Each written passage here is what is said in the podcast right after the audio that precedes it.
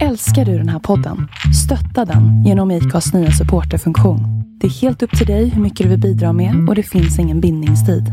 Klicka på länken i poddbeskrivningen för att visa din uppskattning och stötta podden.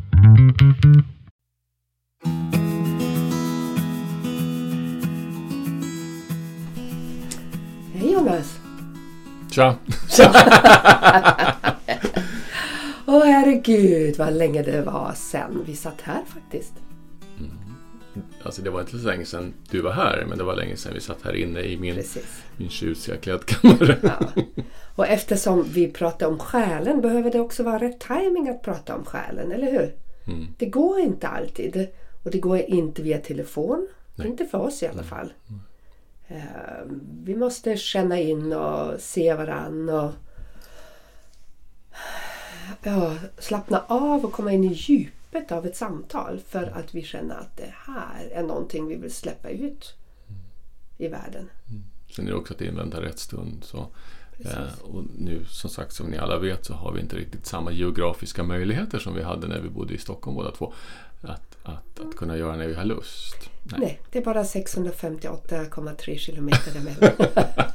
för, inte för att jag räknar varje gång jag kör hit. Men ehm, det är som det är. Och ni som lyssnar idag lyssnar alltså på Jonas och Kerstin. Mm. På podden Själsligt. På podden Själsligt som vi började egentligen med när pandemin började, eller hur? Just det, det var ju precis innan där. Och jag, och jag drog lite grovt skämt om att jag hade covid. Just det, så var det. Nu, Ja. ja. det stämmer. Och då måste ha kommit liksom ur ett väldigt starkt behov av att för oss naturligtvis att kommunicera med varann. Att ta upp ämnen, själsliga ämnen på djupet. Men alltså visste vi om covid när vi började? Jag tror, Ja, nej. det började, ja, men ni vet det var ju någon månad där eh, i början man pratade om att någonting hade kommit till, till Österrike och man inte riktigt visste än. Nej. Så jag, jag kommer ihåg jag var hos dig och, och jag sa men Jonas du borde podda, du är som är så klok. Mm. Och sen slängde Jonas bara ut sig men det ska vi väl göra tillsammans. Mm. Och på det sättet var det men rent tidsmässigt var det precis Det var det tror- innan vi visste. Mm, just det var så. sådär i januari, februari. Så det, vi har ju samtalat, det är inte prata utan vi samtalar. Mm. filosoferar med varandra i över två och ett halvt år snart. Mm. Jag har inte tänkt på det, så nu får jag så här rysning i huvudet. Jag tänker att det här med att vara ledd. Mm, precis. ehm, att, att liksom någonstans, och jag tänker på er som lyssnar, att, att när man är instängd hemma eller, eller eh, man kanske inte kan vara på jobbet på samma sätt och definitivt inte har samma umgänge som man normalt sett har. Mm. Sorry. Så, så eh, tänker jag att vi nog har fyllt ett syfte. Mm. Jag älskar ju uttrycket divine timing såklart. Mm. Ehm, och jag tror säkert att det var så för jag tror ni, ni eller du var ju den enda som vi umgicks med, som jag umgicks med under den tiden, rent fysiskt liksom. Just det. Eh, f- för det, man skulle ju inte. Nej. Vi blev tillsagda och vi är lydiga liksom. Men, men behovet av att samtala med varann. Ja, det är ju ett mänskligt behov, eller hur? Att lyssna och att, att ehm, höra. Att ställa frågor. Att ehm, låta hjärnan liksom flyga iväg. För det är vad vi gör, det är ju vi, vi talar ju inga definitiva sanningar. vi pratar ju om våra eh, upplevda sanningar, eller hur? Alltså jag tror inte att det är ett mänskligt behov. Det tror jag Du inte tror att inte det? Nej, jag tror att det är definitivt ett individbaserat behov. Alla människor har inte behovet av att prata om hur de känner, tänker och mår. Nej, Det, det har de det där pratar vi om här Ja. privat hemma Ja, igår ja, kväll. ja. Och, och så är det, men vi har ju behov av att mötas. Nej, det tror jag inte heller. Jo, jag tror det Tror definitivt. Det finns, en forsk, det finns ju forskning. Mm. Det var en, och sen gjordes det en film om det. Om en man som eh, flyttade ut i vildmarken. Mm. För att undersöka själv, han förde dagbok, vad som hände med honom när han var helt isolerad ute bland djur och natur. Och i början låter det fantastiskt underbart för väldigt många introverta. Åh vad skönt. Men det är vad som hände med honom. Han tippade ju över och i slutet han dog där ute. Ehm, jag tror det finns ett inneboende behov i, i mänskligheten av möt, att träffa någon annan. Jag menar, annars blir det ingen fortplantering heller. Så egentligen är det väldigt logiskt. Vi måste ju ha någon Men måste det vara mänsklig kontakt då? Eh, ja, för annars du får ju av djur får du ju en, det blir en envägskommunikation liksom. Nej, köper inte jag. Du köper inte det? Nej. Ja, det får vi googla efter då. Eller vad, vad tycker ni? Liksom, vi kan ju slänga ut det till våra lyssnare också. är det ett djupt, ehm, är det ett grundläggande mänskligt behov att, att eh, mötas eller är det inte det? Vi lägger gärna, eller jag lägger Nej, gärna men alltså, ut jag tänker nog att, att liksom, det finns nog skalan liksom 0,5 till, till 10,5 där. Ehm, och det finns väldigt många, tror jag, eller väldigt många, jag tror det finns en, en, en, en hel del människor som, som känner sig avsevärt mer bekväma med att, att eh, umgås med, med varelser som inte pratar. Alltså, Absolut, men Men vad man- händer med de människorna där det inte alls, du vet, ingen, nada, Mm. noll kontakt ever med en annan människa. alltså det är oundvikligt för alla måste Ja, kanske gå och handla. precis, det är vad alltså, jag menar. Ja, ja. Men den, den där mannen, han var ute i... Mm. Han hade ingen kontakt med en människa. Och då går vi sönder i längden. Såklart, jag menar, retreatmässigt är det Mm. ju fantastiskt. Vad händer när vi pratar med trä eller med djur eller, eller det här. Men, men tänk dig då ett halvt år eller en vinter ute i vildmarken någonstans och Mm. du möter verkligen inte en enda. Eh, Så den personen Mm. dog. Så. Vet man av vad? Eh, jag, jag kommer inte riktigt ihåg liksom, detaljer men eh, eftersom han förde dagbok liksom, först blev han förvirrad.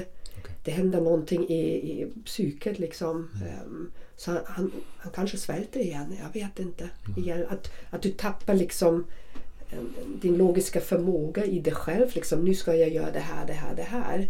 Utan det, du förfaller på något sätt och försvagas någonstans.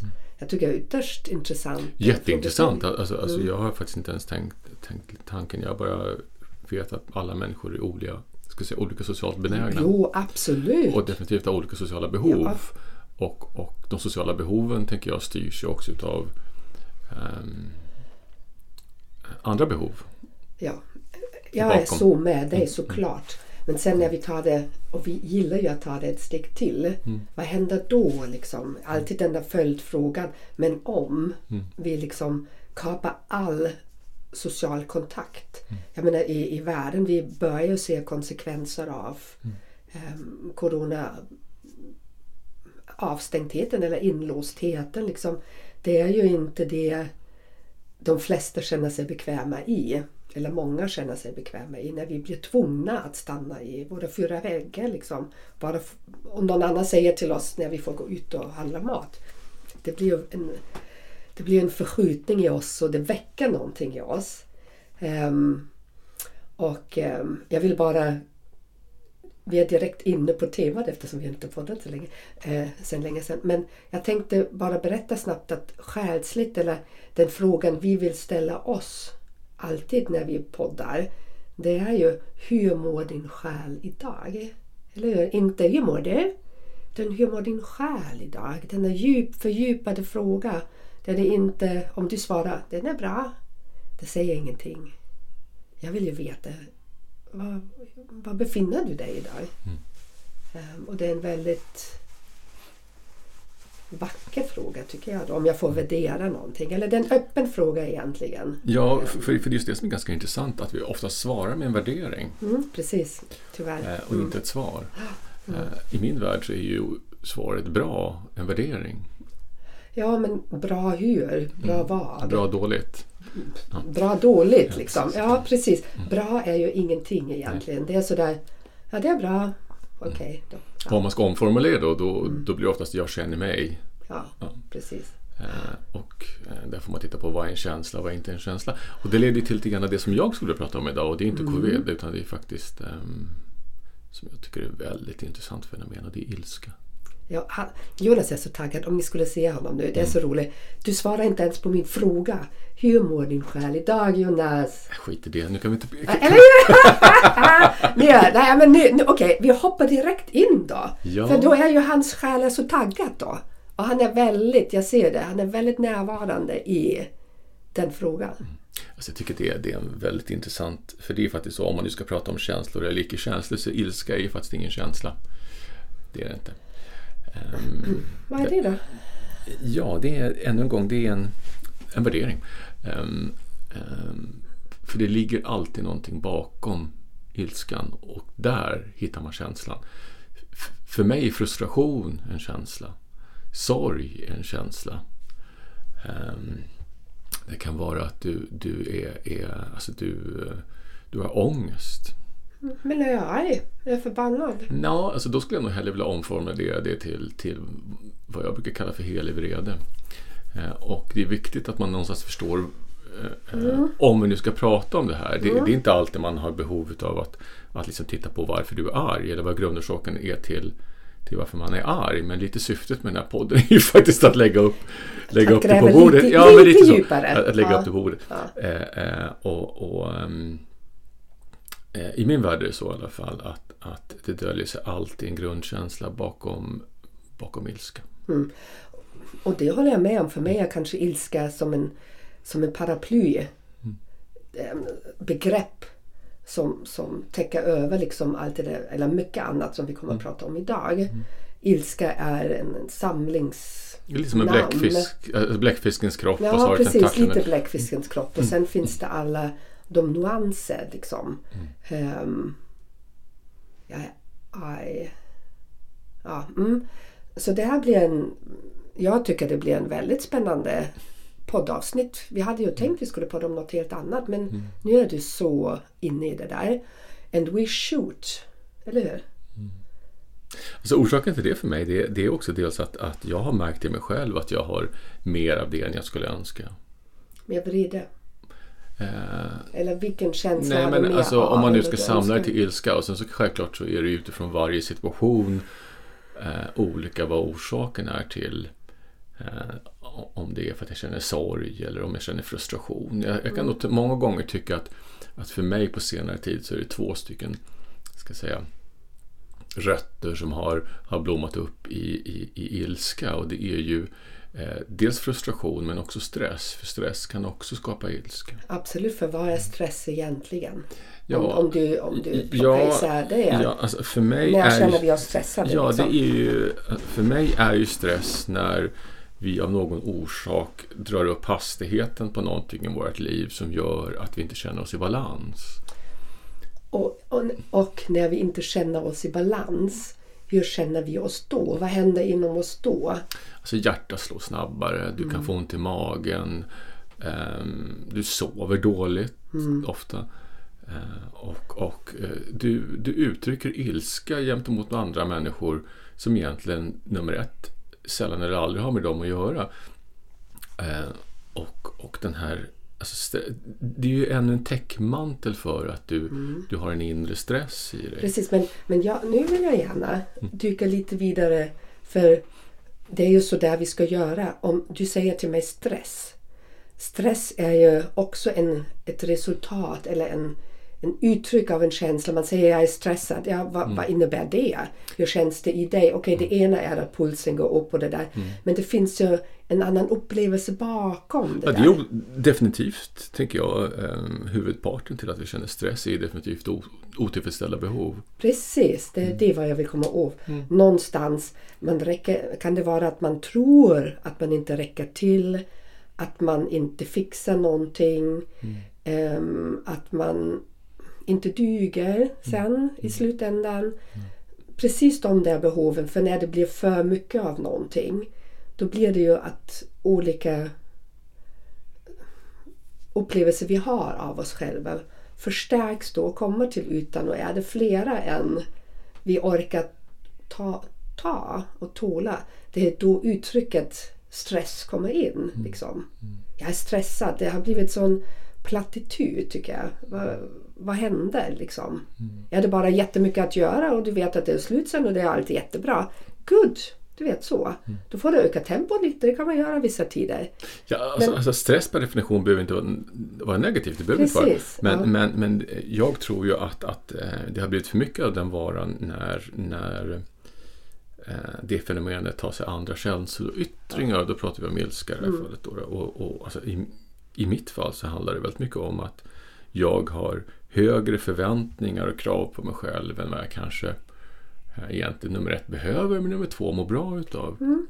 Och, och det kan ju också vara att, att i och med att jag har de förväntningarna och kraven på mig själv, för det här är inget unikt för mig, det är många av oss som så, så, så får vi också de per automatik från andra. Mm, precis. Mm.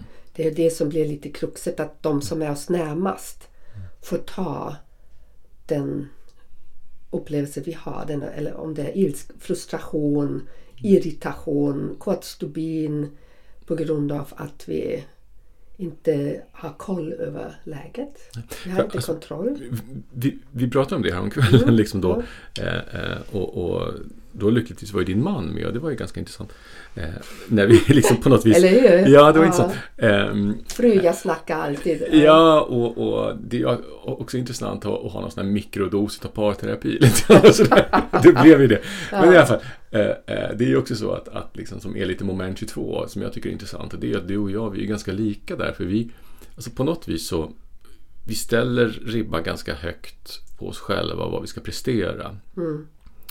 Eh, och sen så gör vi det och vi förmedlar aldrig att det här egentligen är för mycket för oss eh, till våra partners då i det här fallet då, som vi lever med. Och då går ju de omkring med förväntan att jaha, varför gör ni inte det här helt plötsligt då? Eh, om det handlar om att fylla diskmaskinen eller städa eller åka och handla eller, eller eh, jobba 12 timmar eller, eller vad det nu kan handla om. Mm. Att vi helt plötsligt avviker då ifrån det som de är van vid att vi faktiskt levererar. Mm. Men det är ju bara vi som någonstans fäller krokben för oss själva genom att någonstans inrätta ett livsschema som är faktiskt för digert. Alltså det är för mm. mycket.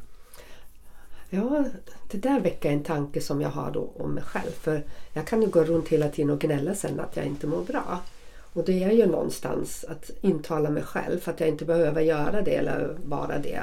Som jag egentligen har en drivkraft till. Men sen blir det stopp i maskineriet för jag kanske inte orkar riktigt. Mm. Och, då, och då blir det den där, en strategi som jag har väl byggt upp på grund av min sjukdom och allt under alla år. Ja, men jag känner mig, du vet så. Och det kan jag säga 150 000 gånger om. jag fattar inte hur min partner orkar liksom. Bara som ett försvar någonstans att jag inte uppfyller mina egna krav mm. som jag har ställt. Bara jag har ställt på mig själv. Liksom. För varför behöver jag egentligen berätta det? Så. Ja, det är an, an, antagligen för att ursäkta eh, något annat beteende än det du mm. egentligen skulle vilja. Ja. Och, och, jag tror att det här kan puttra ut ilska. Alltså, för mig gör det ja, det i alla fall. såklart. Det tror jag. Ja, och, och, jag har ju liksom kommit fram till alltså ibland så får man sådana här små insekter. Eh, att, att liksom någonstans så, så min lärdom i det här är ju att förstå vad kan vänta. Vad kan? Vänta. Vänta.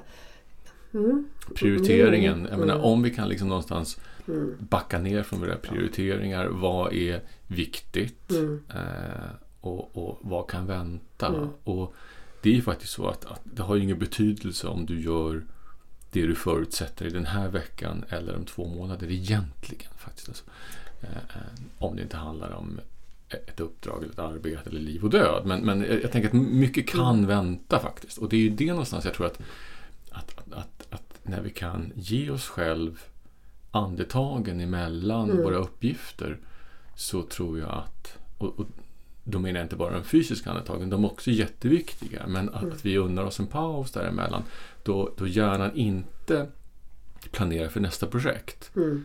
För jag är ju en typisk projektmänniska. Så. Ni skulle bara se liksom. Ja, ja, ja. Alltså, jag är väldigt mycket projektmänniska. Ja. Och, och um, jag är bra på det. Och jag är bra på att dra i projekt och sådär. Men jag är och det då... blir ju en direkt bekräftelse också. Ja, Naturligtvis. Ja, för det, händer, händer saker. grejer. Det, det händer saker. Och, och, jag tror att det här, kan vi stanna bara en kort sekund här? För det är ju sådär, Jonas är fantastisk på projektledning. På riktigt alltså. Och nu har han köpt en stor gammal gård eller gammal gammal, men, men en stor gård som, som han vill han, ta hand om och förvalta på det bästa sättet. Och naturligtvis på en stor gård, det finns ju, jag menar, ni kan bara fatta hur mycket som finns att förvalta så att säga. Och som väldigt duktig projektledare är det inte så, och visionär också, inte så konstigt att det skjuter ju alla håll och kanter vad som kan förbättras liksom och utvecklas och skapas och sånt där. Liksom. Alltid respekt med platsen. Eh, men att det och, och samhället premierar oss ju. Och vi ser någonting vackert skapas ur det där och någonting vördnadsfullt för byggnaden. Och, och, här blir det ju, eftersom du får ju bekräftelse av dig naturligtvis men också av alla runt omkring. Wow, hur fint det, det blir liksom. Men, men jag tror det här är din egen bekräftelse som är jätte, jätteviktig också. Och, och att stoppa där liksom, när du har den här visionen eh, när du vet liksom hur det ska se ut, när du har möjligheter och resurser att göra allt. Och då ta det här andetaget och säga allt måste inte hända nu. Det tror jag är en otrolig konst. För det är så lätt att gå in i det där fantastiska ruset. Bam, bam, bam, bam, bam. Eller hur? Mm. Och sen sitter man i slutet där och har inte njutit av processen. Kanske missat lite grejer för att det har gått för fort lite och man har inte haft så mycket tid för eftertanke och så vidare. Och sen kommer en frustration i det, eh, någonting går sned och så vidare. Så det här är, det är vad du beskriver din andetag eller din paus och din fundering över vad kan vänta. Det, det är utterly, utterly svårt. Eller hur?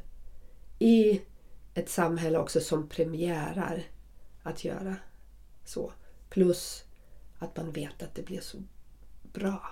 Så. Alltså, och det, det, är ju en annan sak som är liksom någonstans lite berusande i det här och det är ju glädjen. För jag tycker Precis. det är väldigt roligt. Ja. Eh, och alltså, jag tycker att det är väldigt roligt att rita och planera mm. och, och, ha visioner och, och um, um, tänker ju ganska stort. För det är så mm. stort att vi måste ha så stora proportioner på allt. Mm. Eh, men, men där måste jag säga att, att förlåt mig ja. men, men alltså, jag lever ju med en människa som är eh, jag är egentligen dålig på det mesta men det finns en slags... Nej, jag skojar bara. Men, men, Han är bara annorlunda än vad du är. Ja, det kan man säga. Ja. Eh, eh, men, men en sak som vi faktiskt gör väldigt bra ihop och det är att vi lyckas på något vis balansera upp eh, min drivkraft som är ganska kraftfull mm. och återhållsamhet i för, alltså jag måste ju, alltså för att vi ska kunna göra någonting så måste vi ju båda liksom vara med på tåget. Sådär mm. då. Mm. Och jag är ju oftast projektledaren och jag brukar rita och säga vad tycker du om det här? Ska vi göra så här? Hur funkar det här? Uh, och det är inte alltid man kan få till ett sånt möte för det måste vara ett fysiskt möte. Vi går ut och tittar ihop eller in och tittar ihop.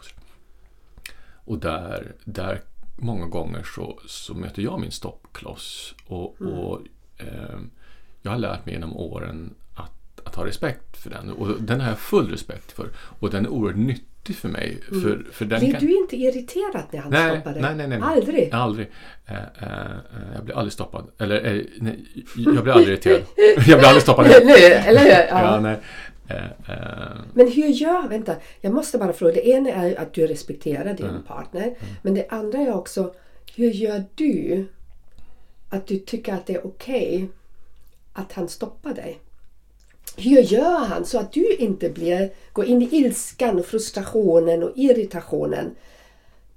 Du vet så. För jag tror många som lyssnar nu, det här är så en hårfin linje. Mm, så. så. så um, nej, men jag tycker nog att vi har byggt en relation eh, på det här området med stor respekt för varandra. Uh, jag, jag ska säga, innehar många gånger den ska säga, tekniska och praktiska kunskapen. Mm eh, konstruktion, mm. eh, dimensioner och så vidare. Eh, och, och även då rent estetiskt utbildad. Mm. faktiskt. Mm. Så där finns respekten från andra hållet. Då. Mm.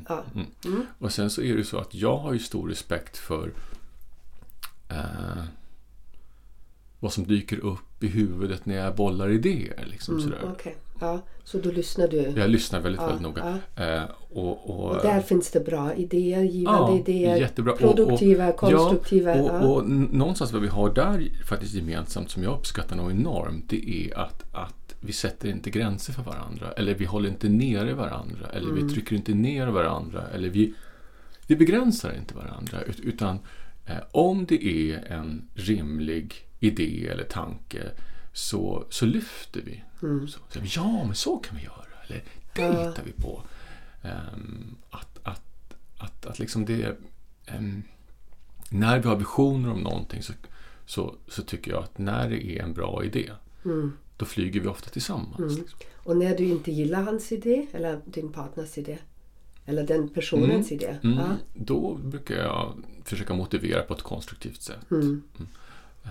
Och, och många gånger så är ju allting inte riktigt möjligt att genomföra.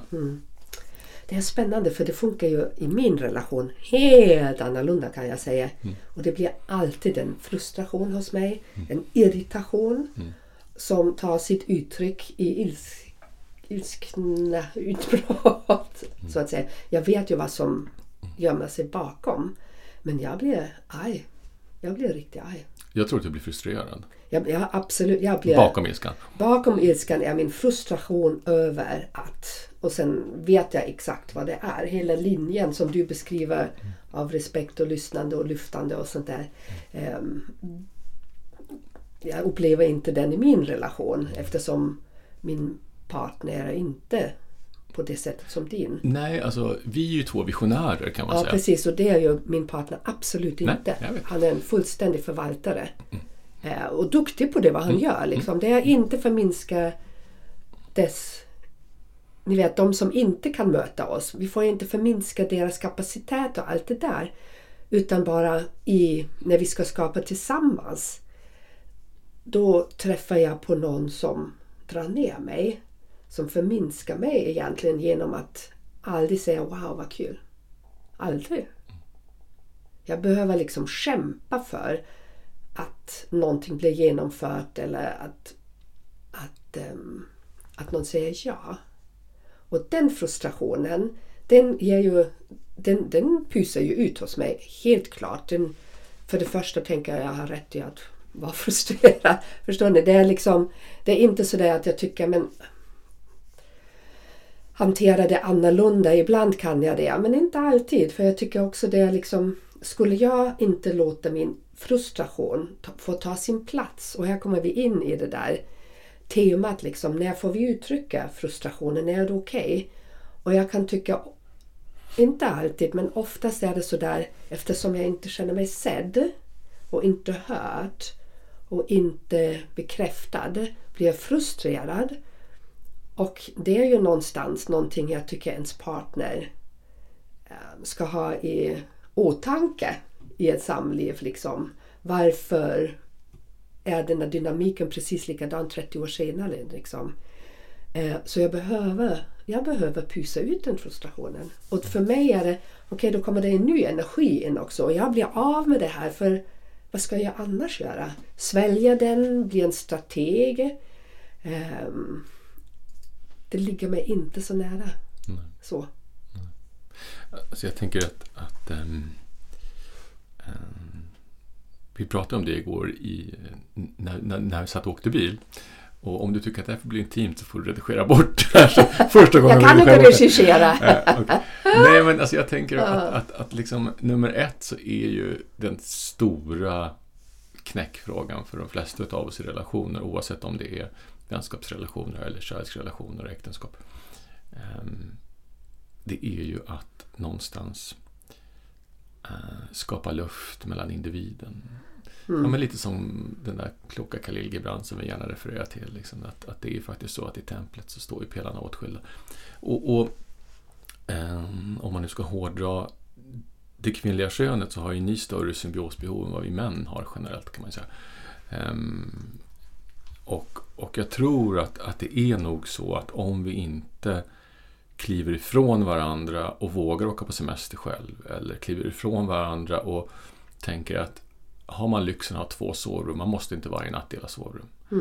Eh, Man behöver sin egen space, man behöver sin egen tid, man behöver sin egen luft. Och jag tror att, att eh, ur det så tror jag att eh, alltså, när man vågar skapa det här avståndet så, så tror jag att det kommer en annan typ av dialog som är baserad mera på ehm, att man förstår och ser vem och vad den andra är för någonting. Och, och jag, naturligtvis har du på ett plan rätt.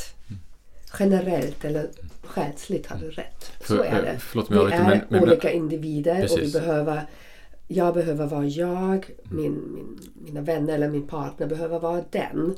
Och det måste den få vara.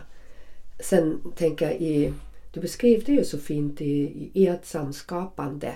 Finns det ett lyssnande och en respekt. Och sen den andra hör vad du säger. Um, och så är det inte, absolut inte i alla relationer. Nej men alltså vad jag, vad, jag, mm. vad jag vill komma fram till det är ju att som vi gör oss besvikna, det är ju aldrig den andra utan det är våra egna förväntningar som gör den andra besviken. Eller oss mm. själva besvikna. Eh, och, och, jag tror att med mera luft så tror jag också att vi eh, kan i bästa fall fokusera förväntningarna i vår egen sfär och inte mm. lägga över det på andra. Sen så självklart håller jag väl med om att rim, alltså det finns ju förväntningar som är rimliga. Ja. Eh, men var man lägger dem någonstans, det, det ehm, Ja, det bör ju styras av vad man får för konsekvenser av de här konflikterna som mm. du pratar om. Mm. Eh, för Gud ska veta att vi också konflikter, men, men, men det intressanta är att vi har aldrig konflikter om sånt. Nej. Nej. Eh, och, och um, men med det sagt, alltså det är ju ingenting som jag har, har liksom innehaft sen, sen dag ett när vi sågs. Utan man har fått träna sig till liksom, mm. Eh, vägen till framgång kan man säga. Men, men, om vi då går in i det där, vad, vad är egentligen, du vet om, om vi tar ilskan mm. um, och vi tar uttrycket heliga vrede. Mm. Det är ju det finns ju en skillnad. Enorm skillnad. Alltså det, det, jag vet att, att, vi har pratat om det här förut, det här med helig vrede då. Mm. Um, om vi nu ska gå ifrån vardagliga plattityder till, till lite mer gudomliga ja, men, saker. Men jag tänker samtidigt, ja, nej, men, alla känner igen sig. Liksom, ja, ja, visst, vet, visst, I konflikthantering, i kommunikation. Så, eh, helig vrede för mig är när oftast är det någonting som är baserat på orättvisa. Eh, Åh, oh, den, den känslan! Ja, liksom, Var sitter den ja, Alltså för mig kommer den ja. nu djupt ner i magen och den bara väller upp ja. och så säger BAM! Yes! Orättvisa, håller ni inte med liksom? Mm. Orättvisa mm. är ju... Jag vet inte. Det är alltså, nästan alltså, att dö för. Ja, alltså, alltså mitt språkliga uttryck på det brukar yttra sig för mig i alla fall, att det här är fan inte okej. Okay. Ja. Punkt. Och, och, det känns ju verkligen, det heliga vrede där, den, den kommer ju ur, ur baschakrat. Ja, och, och alltså, om man nu ska jämföra med någonting, det här med det här villkorslösa givandet som vi har pratat om förut, ja. så, så tror jag att det är väldigt sällan som vi ger villkorslöst. Och jag tror också att det är väldigt sällan som vi äh, äh, trycker fram helig vrede. Så. Eh, jag tror ytterst sällan. Jag, en, en, jag måste, får jag berätta det här eller? Det är sådär, när jag gick Humanova för hundratusen år sedan. Då hade vi en helg som handlade om ilska. Om ilska. Och vi skulle i, komma i kontakt med vår heliga vreden. Och det lät ju fantastiskt spännande tyckte jag, men väldigt scary. Och eh, att uttrycka den heliga vreden kan man ju göra på olika sätt. Jag, vi har pratat om det där någon gång. Man kan implodera också, bli helt tyst och som en blöt säck på mjölsäck. Eller när du, när du vill ge den uttryck i din kraft. För det här, här handlar det ju om kraft. Vi ska komma in i det lite senare för det, det är ytterst spännande. För det är ju någonstans the holiness of the human. Liksom. Var finns allt det där? Det finns ju i, i vår bas, i magen, liksom, i underlivet. Och eh, då hade vi en helg där vi skulle ge uttryck för det. Och vi blev det här var ganska jobbigt kan jag säga. Vi blev liksom triggat. Vi blev triggat så att vi gick in i den känslan. Ja, fy fan alltså. Och det är en energi liksom, man kissar på sig för det, det går inte att hålla. Den är så stark att man att den tar ju över varenda, varenda cell, varenda molekyl av det vad vi är. Det är en energi som jag, men, jag tänker som en vulkanutbrott för den kommer från Moder Jord. Liksom. Den, den, det är inte raseri. Det, man måste liksom göra en stor skillnad mellan raseri och ilska eller den energin som är, vi kallar nu heliga vreden. Liksom. Men det är liksom som man all, alla gånger man har känt orättvisa eller övergrepp mot sig, mot, som har gjorts mot en, eh, som är ju orättvist. Då, eh, att allt gå ihop liksom i en enda utbrott. Det, det är, har man upplevt det en gång, det är så jävla häftigt faktiskt. Det är så häftigt att det är liksom, man bara står där och tänker, är det här jag? Kan man känna det här? Liksom, vad är man kapabel till när du tillåter dig um, att ge din heliga vrede utbrott någon gång? Det är ju bra om man kanske har någon vid sin sida. Och kan göra, du måste kunna göra det ostörd. Du får liksom låta hela förloppet liksom ta vid. Ehm, helt otroligt faktiskt. Det är en helt fantastisk energi. Om man ska backa lite grann då Ja. så är det väl rimligt också för dem. Det är väl så att det är inte alla förunnat att, att ehm, ha lyckats isolera vad helig vrede är för någonting Nej. eller hur den känns. Ehm, och och hur ska man liksom på något vis um, pinpointa det? Liksom? Alltså hur ska man beskriva ehm, Den, den är inte personlig. Eller den är kanske lite personlig men det är större än vi själva, eller hur? En orättvisa det är ju inte bara det vad man gör mot oss. Utan allt vad som läggs på oss det är ju större än vad vi är. Eller hur? Alltså jag, det är väldigt intressant för jag, det, det, det är, alltså jag tänker att det, det är, jag vet inte om det finns så himla många eh, ska säga, villkor som stipulerar helig vrede. Men, men eh, alltså för mig är det så i alla fall att när den dyker upp så kommer den i princip från ingenstans kan man säga. Mm. Och den kommer djupt långt ner från buken, magen. Mm. Eh, och eh, den kommer ut som en eh, drakeld. Ja, en drakeld. Ja visst. Oh. Ja. Och sen så bär den borta. Liksom så. Ja, den är borta sen. Den, den vill bara släppas ut någonstans.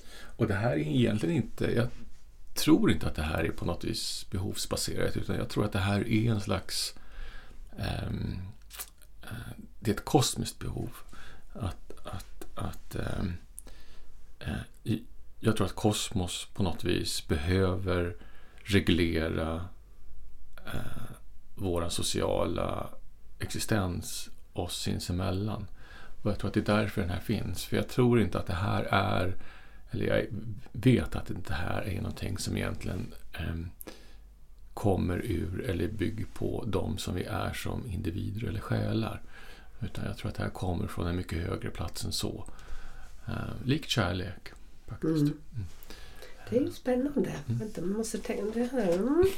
Ja, men det, är det lite grann så som jag har beskrivit. Det är inte min egen... Det är ju liksom inte frustration du känner när du känner helig vrede. Utan det är, det är som ett övergrepp. Kan det vara det där övergreppet som sker? Du vet så, runt omkring. Det är som en urladdning. Eller, eller man ska frigöra. För mig är det en frigörelse. Eh, Alla sådana där starka känslor det är, eh, det är som blockeringar som har funnits liksom. Men Knuten. Det, det är som att spola rören kan man säga. Men, men ehm, jag, jag tror att, att människor som lever i en själslig och andlig medvetenhet har ju också en slags ehm, in, inbränd eller inpräntad rättvisepatos i oss. Mm. Ehm, och, och det är ju den som någonstans som ett brandlarm drar igång Mm. när det börjar röka från fel håll. Lite. Eh, och, och eh, Jag tror att man förskaffar, eller införskaffar det här med en slags andlig medvetenhet kan man väl säga. Ja, her- herregud. Pratar du med någon i min närhet som inte är andlig på något sätt Mm. liksom, och säger heliga vrede förstår man ju inte vad det handlar om. Nej, för det då, finns ju då också... kallar de det raseri exempelvis Ja. eller något annat. Ja, liksom. Det- För, det- för, för det ja. finns ju också med, med det sagt faktiskt ganska många människor som, som lever i en andlighet som tror att man aldrig ska bli arg. Så. Ja, det, ja. Mm. Mm. Att, att, att, man någonstans, liksom, målet är att leva i någon form av eh, mer eller mindre ständigt nirvana och så. Eh, ehm, och för mig är det ju inte alls Nej. så. Nej. Det finns ljus och det finns mörker och, och, och, och det finns glädje och det finns ilska och, eh, och, och det finns mänsklighet. alltså det finns så väldigt mycket som, som måste få existera. Eh, eh, och jag tror att, att, att om vi lever i en verklighet in, in, in, inom citationstecken där, där vi tror eller har en vision om att, att, att måendet ska vara eh, en ständig eh, njutning så, så tror jag att, att det är lika illa som att eh, leva i en tro att, att, att livet är en ständig plåga. Ja, det är en illusion liksom. Mm. så. Men när du upplever din heliga vrede inom dig, riktar den sig då mot, en person? Ja, oftast är det så. Det är så? Mm. Åh, Jonas! Oftast är det så. Ja. Och det är lite spännande. Inte oftast, men jag skulle säga 50-50. Men det är väldigt svårt att ha en statistik på det, för det händer inte så ja. ofta. Men, men jag skulle nog kunna säga att um, dels kan det handla om uh, att det sker någonting rent alltså kosmiskt då, för jag mm. arbetar ju, eller jobbar också kosmiskt och där, där till exempel um, om man nu ska gå in i andliga dimensioner när man då jobbar med att, att reglera och styra upp och hålla ordning i, i det som sker andligt och kosmiskt. Mm. Då måste jag ha den här heliga vreden. Ja, absolut. Den måste finnas, för det finns inget mer kraftfullt i de dimensionerna eh, när du ska få respekt. För där handlar för om det handlar om gränssättning gränssättning, och respekt. Tydlig ja. gränssättning. Ja, ja. Eh, och, och alltså få respekt. Mm. Eh, och, och det, det sker ju övergrepp där likväl som det sker övergrepp på människor. Mm. Så är det. Um, och, och om du har tillgång till ditt svärd och din heliga vrede så, så blir du en ganska kraftfull krigare. Så när du är medveten om det, mm. det, Absolut, men jag tänker när du exempelvis upplever den vreden mm. tillsammans med din partner. Mm. Blir inte den felriktad då? på ett sätt. Förstår du vad jag menar? Ja, det här är egentligen två olika typer av yttringar ja, utav heliga vreden.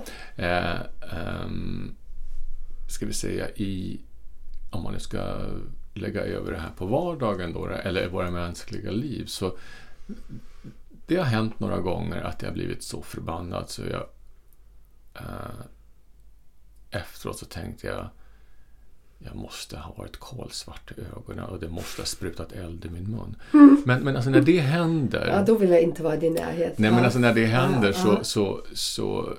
Och det bara också händer. Bara kom sådär. Ja. Eh, då vet jag att det är, för det är en väldigt speciell känsla för jag har varit med om någon, Då vet jag att den kommer ur, ur godhet och ur rättvisa. Mm. Eh, det handlar inte om att, att man kämpar för någonting eller att jag kämpar för någonting. Mm. Uh, utan ja, det här... men det gör du ju indirekt. Ja, då, nej. För hade, du kämpade för rättvisa och godhet. Jag vet inte om jag gör det, utan eh, det är väl mera um, att, att uh, jag måste gränssätta för att återställa balansen. Mm. Så är det Mm. Så, och sen så kanske man kan säga att, att jag kämpar, så kan det vara. Men, uh, det är bara ord, men, men, men mm. det händer där också. Ja, mm. För det, det som är problematiken som vi upplever i samhället, om jag går, backar lite tillbaka till den där mänskliga upplevelsen av våran frustration eller irritation eller vi är ledsna eller vi är whatever. Ni vet det där när, när vi börjar koka liksom så. Det är ju, problemet är ju ofta att i samhället är det en känsla som är ganska, i Sverige kan vi ju säga, den är ganska tabubelagd. Du får inte bli arg. Och speciellt inte vi kvinnor. Vi kvinnor ska inte bli arga. Det är fult. Det är liksom, det är inte tjejig, det är inte kvinnlig. Bla bla bla. Och då, då hade det lagts på oss liksom, att det här är någonting tabubelagt och inte fint. Och med det, genom att vi, vi inte vågar ta uttryck av vår frustration, av våran begränsning. Liksom. Ibland känner jag mig, jag känner mig så ni vet som man, jag har en gödel liksom som dras åt runt min bröst bara för att jag är kvinna. Liksom. Vad är det samhället just håller på med? Och den irritationen det är ju egentligen helig vrede. Och den, den liksom, att tillåta sig att känna den för, så att den där gödeln som, som ligger på oss kvinnor liksom, den ska ju sprängas. Och då måste jag ha den där kraften. Så vi kvinnor behöver liksom visa och lära oss att, bli, att uttrycka ilska då. Kanske att skrika. Kanske att sätta gränser, att säga nej. Att um, att vända om sig, att lämna, att gå. Ilska har ju många olika uttryck. Men, men det är en gränssättning och det gör man för sig själv. Att det är okej okay att göra det. Att det är okej okay liksom att ifrågasätta, att um, avsluta en relation liksom, och kanske slänga ut fyra ord ibland om man känner för det. Liksom. Att det är så oerhört viktigt att den, den känslan vi känner, att den får uttryck vid rätt tillfälle i rätt proportion mot rätt människa. Liksom. Varje gång vi pyser ut det i, i, som är lämplig egentligen för det tillfället är det en, en, handling av självrespekt. För de flesta vågar inte, kan inte, orkar inte, har inte lärt sig liksom bla bla. Och då är det som de trycker in sin, sin upplevelse av frustration eller ilska. De lägger det in i en gryta och någon gång pyser det ut och då går det mot fel person i fel proportion vid fel tillfälle. Och då får vi ju skuld och skam efteråt och mår dåligt att vi har gjort det här. För det är out of portion. Så um, i den mänskliga aspekten att bejaka den upplevelse av nu är det någon som har gått över min gräns. Nu är det någon som kränker mig. Nu är det någon som inte hör vad jag vill säga. Nu är det någon som gör whatever it is. Liksom. Betalar inte ut lönen.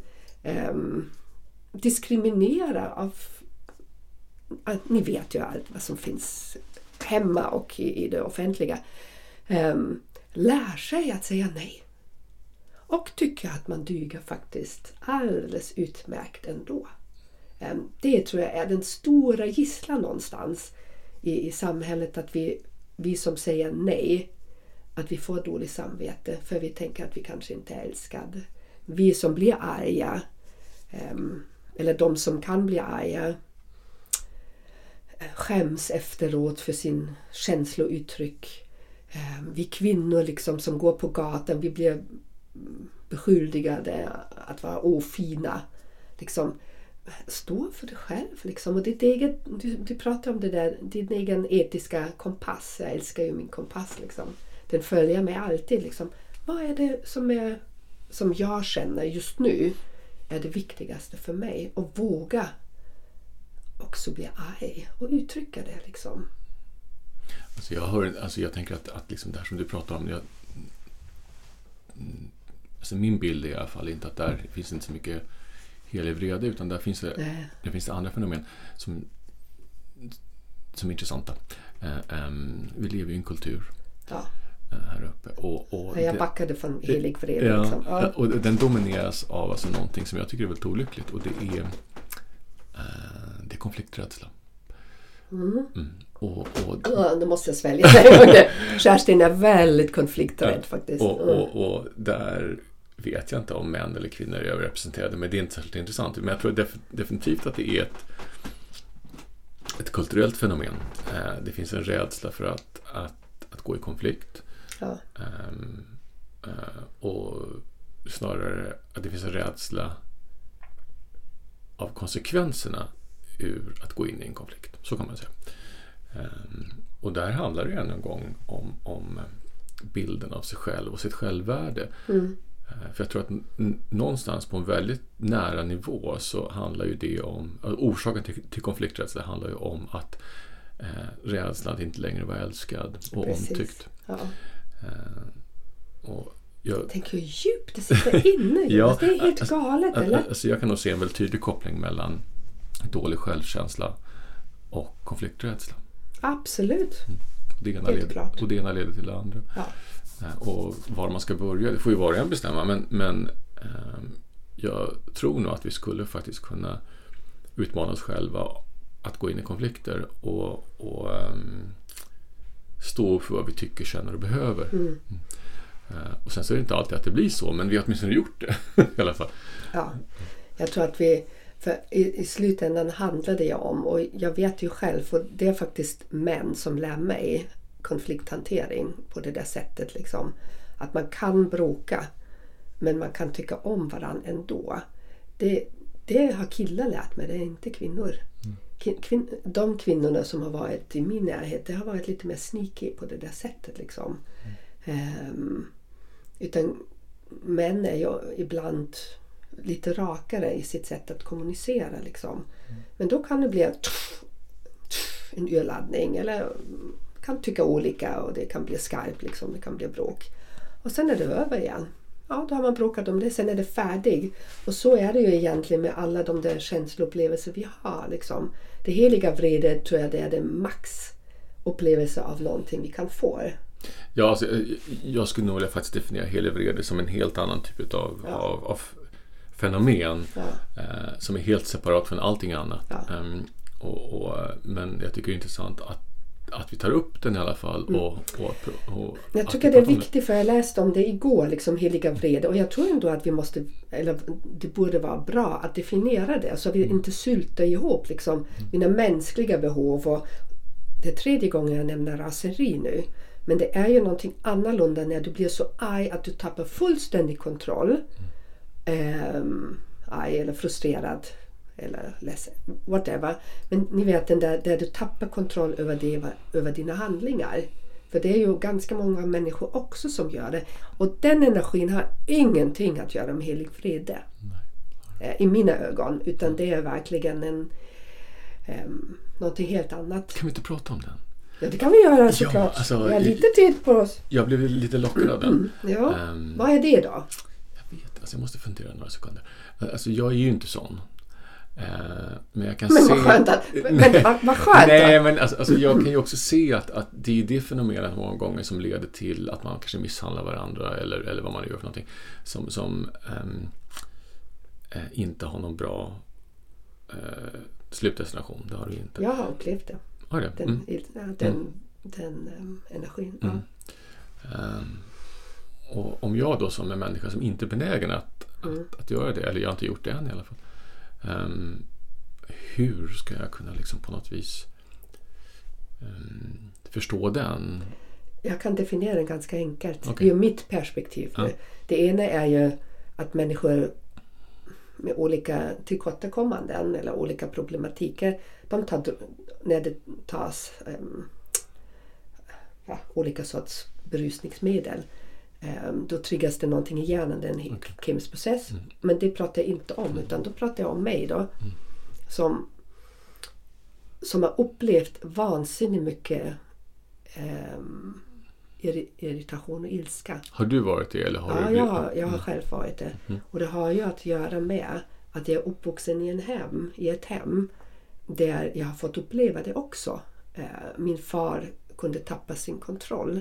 Och det har ju att göra med honom var det en, otroligt stark frustration över att inte kunna hantera sig själv och sin omvärld. Um, när du känner dig jag gjorde någon övning, jag berättade för dig med, med storycoachen Katrin som hon har just nu och då handlade det om vad handlade den om? Nu har jag tappat tråden.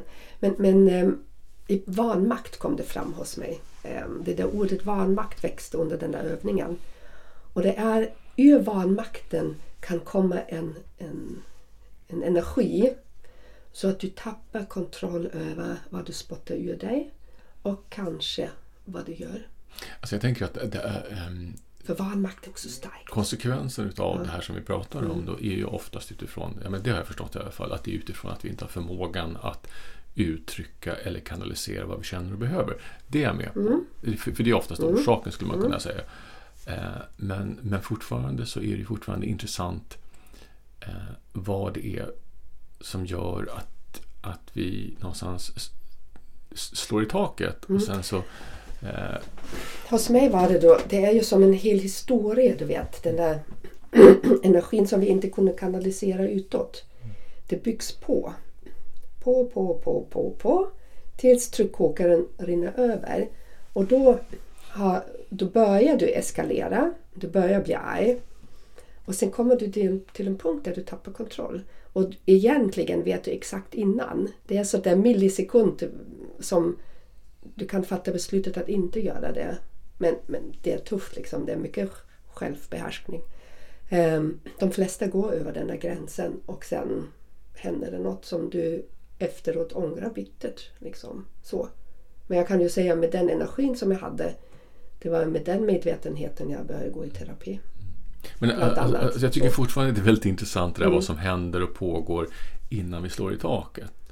Eh, Under, under, precis i det där ögonblicket. Ja, när, när, när urla, alltså precis innan ätterna exploderar om du förstår. Ja. Eh, eh, för, för, alltså jag, som sagt, jag är inte benägen att, att liksom gå så. så jag, jag tycker ju som oftast det är väldigt intressant att förstå.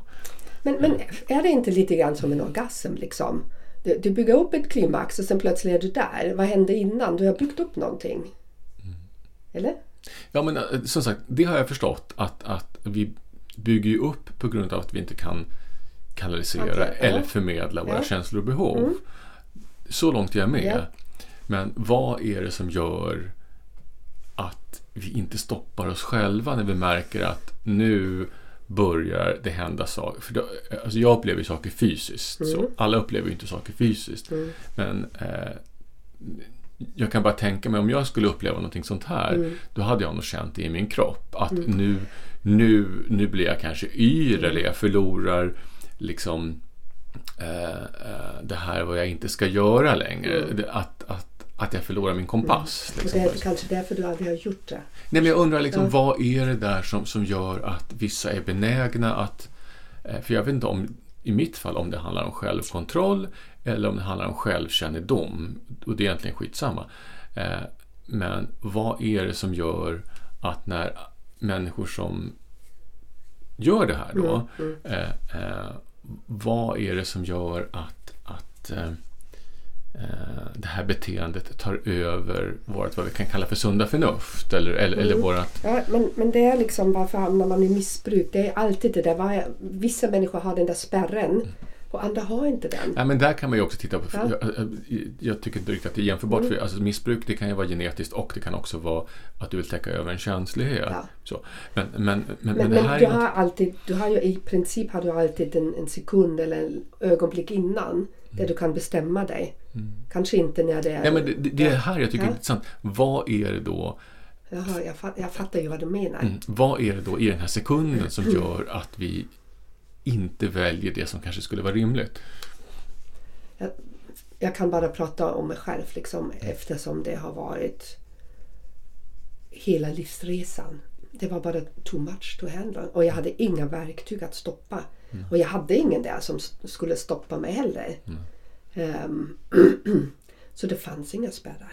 Alltså, kan det vara så här? Alltså, jag får se Ja, ja, bilder. ja, jag, får ja. bilder. Alltså, alltså, jag, jag tänker på så här eh, takavvattningssystem.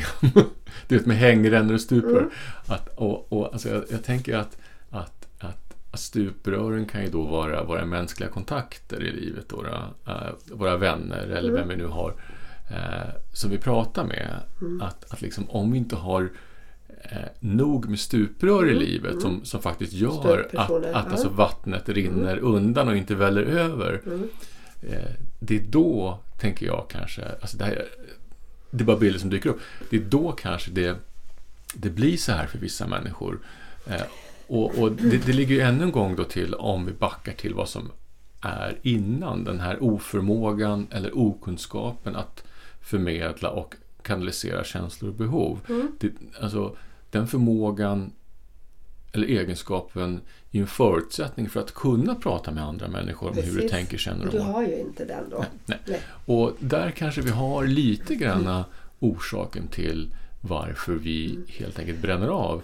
Och sen ska du tänka på kanske första gången du bränner av lite grann men sen skäms du ju. Det finns så mycket skuld och skam i att du bränner av. För du vet ju att det här är inte okej. Du vet, du, du har ju självförakt. Det är ju hela den där cirkeln av destruktivt eh, beteende. Eh, du pratar inte med alla om att du bränner av då och då. Men alltså, kan det här då vara lite moment 22 Ja, över att, att när du har gjort det här första Ja. gången till exempel då, då så finns det skuld och skam som du säger då. Då då. bygger du Och, upp den. och, och, och då måste du ta ansvar för det om man nu ska kunna vända skeppet så, och börja prata med andra människor. men Så- det gör du oftast inte då. Nej. Men, men ja, jag vet inte om det är så här, men äh, är det då rimligt att säga att, att när vi bränner av topplocket på det här sättet då, och, och går ut i okontrollerad raseri, för det är faktiskt det vi pratar om, att det till stor del handlar om att, att vi inte eh, har försett oss med de eh, människor, kontakter och samtal som vi behöver för att kunna Absolut. leda ut att ta vatten, Ja, ja, ja. takavvattningssystemet Eh, på ett, på ett sunt sätt. ju det kom, och jag menar, jag har inte varit våldsam, ni ska Nej. inte så, men jag har tappat liksom, Mm. I lost it. Och ju, ju den situationen tillsammans med Anna, för då är man ju i en kris också. Mm. Den människan som, som rinner över på det här sättet, den krisar ju. Det är ju inget frisk beteende och det är inte något givande. Det, det har ingenting att göra med att, att få bli arg och visa gränser och sådär. Utan det här, you're losing it. Liksom, you're losing it. Och då är det ju Ehm, um, en tidpunkt, alltid när we lose it, på ett eller annat sätt att skaffa sig hjälp. Liksom. För det här är inte frisk. Och det ska inte vara så. Och du behöver inte ha det heller för det, det ingår, du börjar verkligen en väldigt dålig cirkel. Du bränner av oftare och oftare. på grund av um, skuld och skam. Mm. Alltså det är egentligen ganska hårda ord att säga att det inte är friskt. Alltså jag skulle hellre vilja säga att, att det är en oförmåga. Men för att kunna ändra på någonting måste vi förstå våra Men vi tillkortakommanden. utsätter ju andra människor för någonting som inte är rättvist, det är det. inte schysst. Nej, är det. Det är ju för jävligt i, Mm. i grund och botten. Och vi ger vidare ett beteende, för mitt beteende har jag ju fått av mitt föräldrahem, Mm. min far då. Och om jag inte bryter det här, då, då börjar mina barn precis med samma beteende. Mm. Så um... Men likt mycket i livet så, så, så, så tänker jag liksom att, att, att, att, um, att, att liksom du har sagt någon gång till mig så här, don't blame the victim. Och jag tycker inte att det handlar om att blame the victim, utan jag tycker fortfarande att om du får ett raseriutbrott på mig, då tycker jag faktiskt också att det, det är till stor del mitt ansvar att också sätta gränser. Säger du Kerstin, alltså, jag ser vad som pågår och jag såg vad som hände. Men det är inte okej. ja, Alltså, jag- du skulle ju göra det. Säger du det till ett tvåårigt barn? Nej, nej självklart men inte. Men är. nu pratar jag om vuxna människor Ja. sinsemellan. Men, Sen- men du är ju också en stark... Jo, jag tänker att liksom det Mm. är ändå någonstans så, du säger att det inte är okej att utsätta andra människor för det här. Och jag köper på en gång när det handlar om djur och barn, för de kan inte värja Mm. sig. Men vi andra vuxna människor tycker jag faktiskt också har ett eget ansvar att säga stopp. Nej, vi, vi har ganska olika åsikter om det. För mig är det alltid never blame the victim. Nej, På grund av att i den relation... Låt oss ta... Nu, nu pratar vi då generellt. Vi tar en sådär klassisk situation. Man, kvinna. Vi kan ta män, män, whatever. Ni vet den där misshandelssituation som ofta är ju sådär. Det, det är en väldigt fin kärleksrelation i början. Så. Ehm, allt är mysipys och allt är jättefint. Och sen plötsligt av någon anledning börjar det förändras i dynamiken. Men då är du ju som, som partner, som den som blir utsatt, redan insyltad i någonting. Du är ju inne i den relationen, du har öppnat dig, du är sårbar. Du kanske har en dålig självkänsla. Det är ju sådär. Du kanske har dålig självförtroende, du kommer från en bakgrund där du är sårbar. Och sen ändras hela den dynamiken och i början är det bara bråk, rent fysiskt, men du bryts ner. Jag har ju sett det hos min, min äldre syster. Liksom. Du bryts ner varenda gång någonting hände. Blir du mindre, mindre, mindre, mindre. Och i slutändan, du sa det till mig igår, eller förr igår, eh, apropå det. I slutändan är du, då tycker du du är värt det här. Du har förtjänat det här. Så du, stå, du någonstans tror du att du har förtjänat att en, en partner misshandlar dig. Och har jättesvårt att bryta det där för du, du, är ingenting, du har ingenting kvar i dig. Så. Och då, då kan du inte... Och, hur många kvinnor blir mördade varje år? Du vet sådär. Och är det då kvinnans fel? Ja, hon kanske kunde ha brutit sig loss. Men det kanske finns en röst i henne som, som var sådär, men jag kan hjälpa honom. Det finns ju i många kvinnor den där hjälparen. Ja, men om jag bara är snäll nog, om jag gör det här. Eh, många tar ju på sig att det är deras fel. Många tar på sig att det är deras fel att de blir slagna. Och, och Hello! It's never okay. Det är aldrig okej okay att någon gör någonting mot någon den andra inte har sagt ja till. Alltså jag hör att du blir väldigt Jag blir jätteengagerad. engagerad. Eh, och, och här står vi ganska långt ifrån varandra. Och, men det här är egentligen ett ämne för ett helt ny podd, för det är ganska stort. Ehm, Men det handlar också om den ilskan den ena parten har. Ja, men alltså jag tänker fortfarande, jo, men, alltså jag tänker fortfarande att, att liksom du kan leva med hur mycket ilska och frustration du vill, men om eh, det inte finns någon som vill eller tänker ta emot din skit, då, då, då, Ja, då, såklart, då kan du ju stå där och skrika. Ja, Men så är ju inte samhället gjort. jag förstår det. Jag, förstår det. Men jag, jag, jag, alltså, jag tycker den här dynamiken är egentligen ganska intressant. Eh, eh, och som sagt, det är ett helt annat poddämne Det får vi prata om. Ja, det, Ja. jag, för jag tycker det är urintressant. Men då lyfter taket här. Ja, det kommer jag. Och jag vet inte ens om jag vågar göra det, för jag kommer bli mordhotad. Efter, för, för jag är inte ute efter att blame the victim, det är jag verkligen inte. Men jag är ute efter att titta på hur länge ska vi dansa runt på den här dramatriangeln där vi offer, räddare, förövare. För det är Hur länge har ska vi ha människor med dålig självkänsla? jag vet inte. Jag vet inte.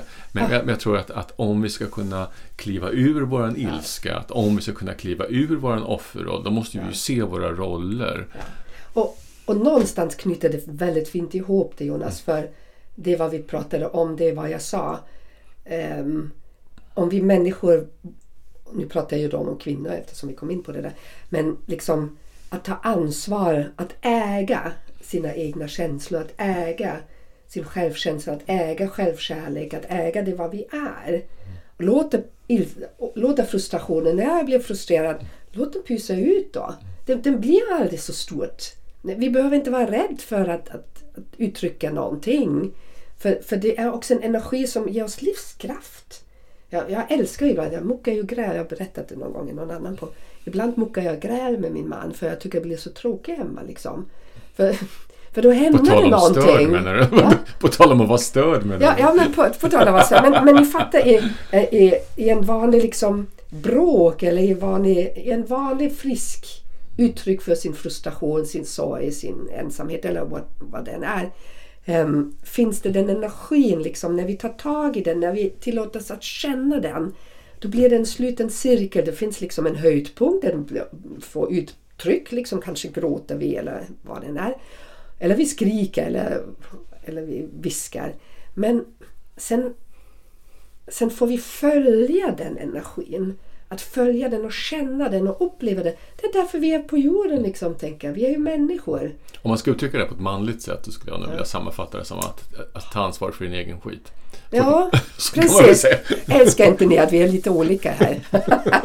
men, men för mig, att få följa min egen, nu för tiden, de senaste åren har det ju blivit sådär, att få följa min egen upplevelse av min egen förnimmelse, det är för mig helt magiskt liksom. Jag skrev ett inlägg igår på Facebook. Jag bölar så mycket nu för tiden. För när jag tycker någonting är vackert då blir hela mig liksom rysningar. Eller jag blir engagerad när du pratar om äh, äh, Never blame victim. Jag tror du använder bara konstiga ord. Men, men grejen är åh, att, få, att få känna. Det är magiskt, eller hur? Och ilska också. Uttrycket ilska som är paraply för något annat. Är det inte underbart att vara människa? Ja, för det mesta. För det mesta. För det ja. mesta. Ja, det. Men, men utforska, eller hur? Och helig vrede kanske vi kan också prata en annan gång om. Eh, Men, men blanda inte in det i den mänskliga upp- upplevelsen av din egen frustration. Nej, för jag vill en gång belysa att det är, det, det är ett helt eget fenomen som, Ja. som inte har med vår vardagliga eller mänskliga eh, k- känsloregister att göra. Utan det här är en, en, en, en helt egen varelse skulle man kunna säga. Eller en helt egen men, men om, fenomen. om du nu skulle eh, ge den ett uttryck, en, en värdering. Hur skulle du säga att du upplever helig vrede då? Kanske dina sista ord i det hela? Menar du hur jag upplever den fysiskt? Eller? Ja, är, är det liksom någonting som, som du värderar som häftigt, som Ja, starkt, som vackert, som, som viktigt, som eh, wow? Den är, tror jag, kosmiskt livsavgörande och jag är oerhört tacksam för att jag har förmågan att kunna ehm, ta in den. Mm, att låta den gå genom dig. Ja. För ta emot den kan man säga. Att Ja. jag är oerhört tacksam över att jag kan ta emot den. Mm. Ehm, för den är, den är kosmiskt avgörande Mm. eh, för hela balansen som vi lever i. Så det är du som havererar det på ett sätt. En gång till. Det går genom dig liksom. Ja, det gör det ju. För alltså, vreden måste ju uttryckas på något sätt. Mm. Och det är genom ord eller handling. Som, som det gör det. Ja, det som jag berättade om som jag upplevde på Manova, det har jag bara upplevt en gång kan jag säga. Jag tror att det är... Det, det, tog, det tog jag i. och, och de andra upplevelser som Jonas exempelvis sa, de har inte jag på det sättet. Så. Ska vi avsluta Jonas? Det är en bra idé. Det är en bra idé. Ni orkar ändå inte med med oss då. Men det skulle vara som vanligt väldigt, väldigt roligt. Berätta hur du upplever paraplyet ilska. Vad, när, blir du, när får du tag i den energin? Vad händer i dig då? Eh, och varför? Ehm, så att du följer hela kedjan liksom in i när du föddes. Liksom. Är det då du fick med dig en frustration i, i barndomen eller whatever vad det är? Jag hoppas att, att, att vi med det här också kan inspirera dig till att faktiskt förstå att ilska är ingen, eller oftast 9,9 gånger av 10, så är det ingen känsla som kommer ur ett, ett, ett egenberättigande, utan det kommer ju ur en annan orsak. Och, och man behöver inte alltid titta på den, men om man kan göra det då och då så tror jag att det är en väldigt ska jag säga, fin väg till självkännedom. Och jag tror när vi har förstått det en gång då behöver vi inte ens analysera det något mer utan då vet vi. Men det kan vara skönt att lägga sig på sängen, vi backar lite grann. Okej, vad är det som pågår här Mm. Och vad egentligen? behöver jag? Ja, vad precis. behöver jag egentligen? Så. Och ibland så räcker det med att vi bara ser vad vi känner för någonting Ja. egentligen. Precis, och ibland räcker det att skrika åt min man. Eller blir jag arg på honom. Ja. För då frigörs en annan energi liksom. Men bara jag vi förstår vad det är som sätter igång vad. Ehm, och då avslutar vi. En timme och tio minuter. Herre min Jesus, har vi pratat så länge Vi nu? har ackumulerat så mycket behov och känslor. Ja, men jag gick igång nu på det vad du sa. Ehm, vi, vi kan bråka vidare sen. Kan vi göra. Ja. Ehm, Eller hur? Tack Jonas. Tack Kerstin. Hur mår din själ nu då? Nu känner den sig upplyft och jag ska ner till mina vardagliga bestyr. Ja, och jag ska vidare till Österlen med min man. Eh, tack för idag. Eh, hoppas ni gillade vad vi pratade om och att det väcker någonting i dig. Och tycker om mig själva. Ja, precis. Eh, jag har ju börjat med en serie som kallas Soul Talk. Som jag ska fortsätta med. Eftersom ni märker, jag älskar ju samtalet och det är vad som skapas med det. Kanske någon vill hänga med. Kolla på min hemsida www.sinnenasresor.se Det är definitivt ett sätt att tycka om sig själv. Mm, precis. Very, very important. Okej, tack så mycket. Tack Hej för då. idag. Hej.